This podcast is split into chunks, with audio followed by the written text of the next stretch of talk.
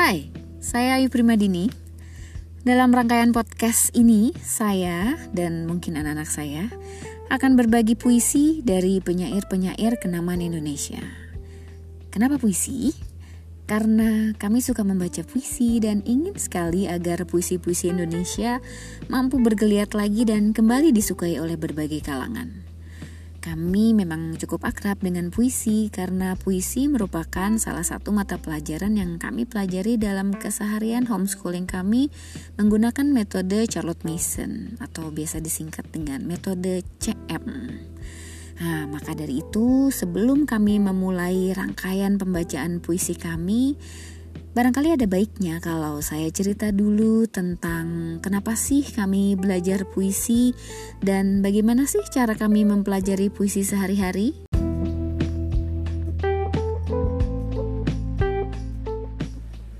Jadi ceritanya begini. Malam minggu kemarin, anak-anak pengguna metode CM dari berbagai daerah di Indonesia berkumpul secara online dan mendeklamasikan puisi karya sastrawan besar Indonesia.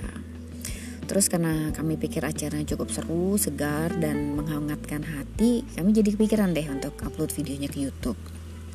Eh, besoknya ada kawan saya yang seorang guru bahasa Indonesia di sekolahan chatting gitu di WhatsApp. Terus dia nanya, gimana sih caranya bikin anak-anak ini jadi cinta sama puisi? Nah, Terus kami jadi pikiran deh, kenapa nggak sekalian aja ya bikin podcast yang topiknya tentang belajar puisi dalam metode Charlotte Mason. Nah, um, kalau dalam metode CM itu kan segala sesuatu mesti ada tujuannya, ada landasannya. Karena kan sebelum ngomongin bangunan, hal paling penting adalah fondasinya. Jadi kalau kita tahu untuk tujuan apa kita melakukan sesuatu, maka melakukan sesuatu akan menjadi lebih mudah.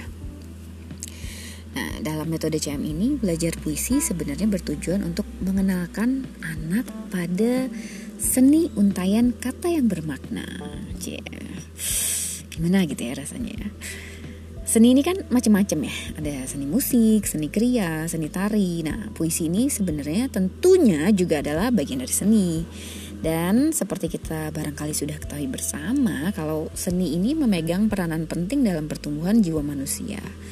Karena untuk bertumbuh dengan sehat, akal dan budi kita tidak hanya butuh untuk mengasah logika dengan sains dan matematika, tapi juga butuh seni supaya kehidupan kita lebih seimbang, supaya kehidupan anak-anak kita juga lebih seimbang. Mengutip kata John Keating dalam film Dead Poet Society, We don't read and write poetry because it's cute.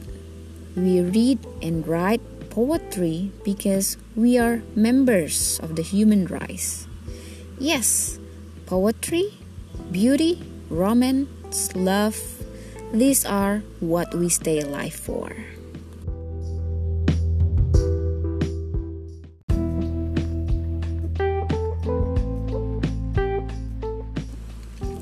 Lantas pertanyaan selanjutnya adalah bagaimana mempelajari puisi dalam keseharian metode CM?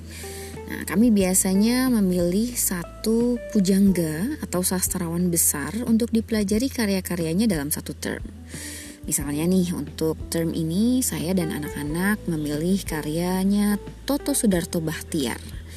Maka sepanjang term ini, puisi yang kami baca hanyalah puisi-puisi beliau. Biasanya setiap minggu saya akan memilih satu puisi yang sama untuk kami baca berulang-ulang setiap hari eh ini maksudnya bukan dalam sehari dibacakan berulang-ulang ya. Sehari sih cukup sekali tapi perlu dibaca dengan penuh penghayatan. Nah selesai dibaca anak-anak biasanya menuliskan puisi tersebut supaya mereka semakin meresapi kata-katanya. Lantas nanti di akhir minggu mereka akan meresitasi puisi tersebut. Meresitasi ini maksudnya membacakan dengan tanpa dibaca ya. Gimana ya itu mendeklamasikan tanpa membaca. Jadi menghafal gitu lebih tepatnya seperti itu ya. Jadi mereka di akhir minggu akan menghafal puisi tersebut dan membacakannya di depan kami semua. Lantas sudah gitu. Minggu depannya kami akan mulai mempelajari puisi baru tapi tetap dari penyair yang sama.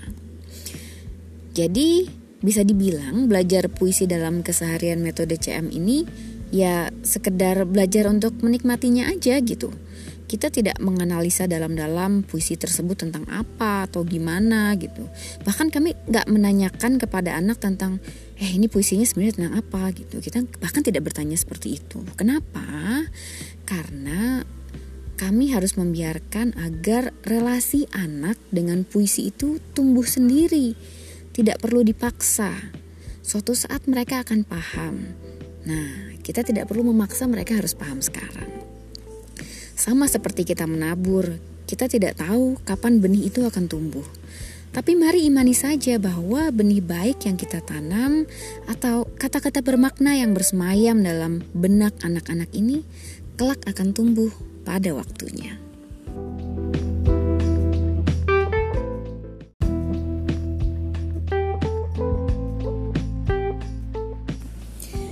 Teman saya yang guru bahasa Indonesia tadi itu lantas bertanya, kenapa kok mempelajarinya berdasarkan sastrawan, bukan berdasarkan tema seperti di sekolahan? Nah, sebenarnya ada juga alasan di balik ini semua. Karena salah satu tujuan dari proses belajar dalam pendidikan Carut Misen adalah agar anak-anak ini kan berkenalan dengan para pemikir besar yang pernah hidup dalam berbagai zaman. Bisa dibilang para penyair ini juga sebenarnya kan para pemikir. Mereka menyampaikan pikiran mereka, kegelisahan mereka, suara mereka melalui puisi. Jadi dengan mempelajari puisi-puisi dari penyair yang sama dalam satu waktu, sebenarnya anak-anak sedang bercengkrama dengan pikiran para penyair tersebut. Memasuki relung jiwa mereka untuk mengetahui bagaimana sih sebenarnya situasi zaman pada saat itu Nah, mengetahui berbagai macam pikiran manusia ini sebenarnya juga akan membantu anak-anak kita untuk tidak berpikir tentang dirinya saja.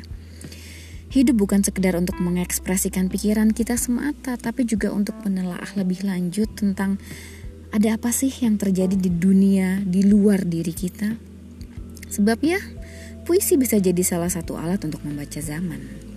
Kalau kata Seno Gumira Aji Dharma, Kala jurnalisme dibungkam, maka sastra bicara.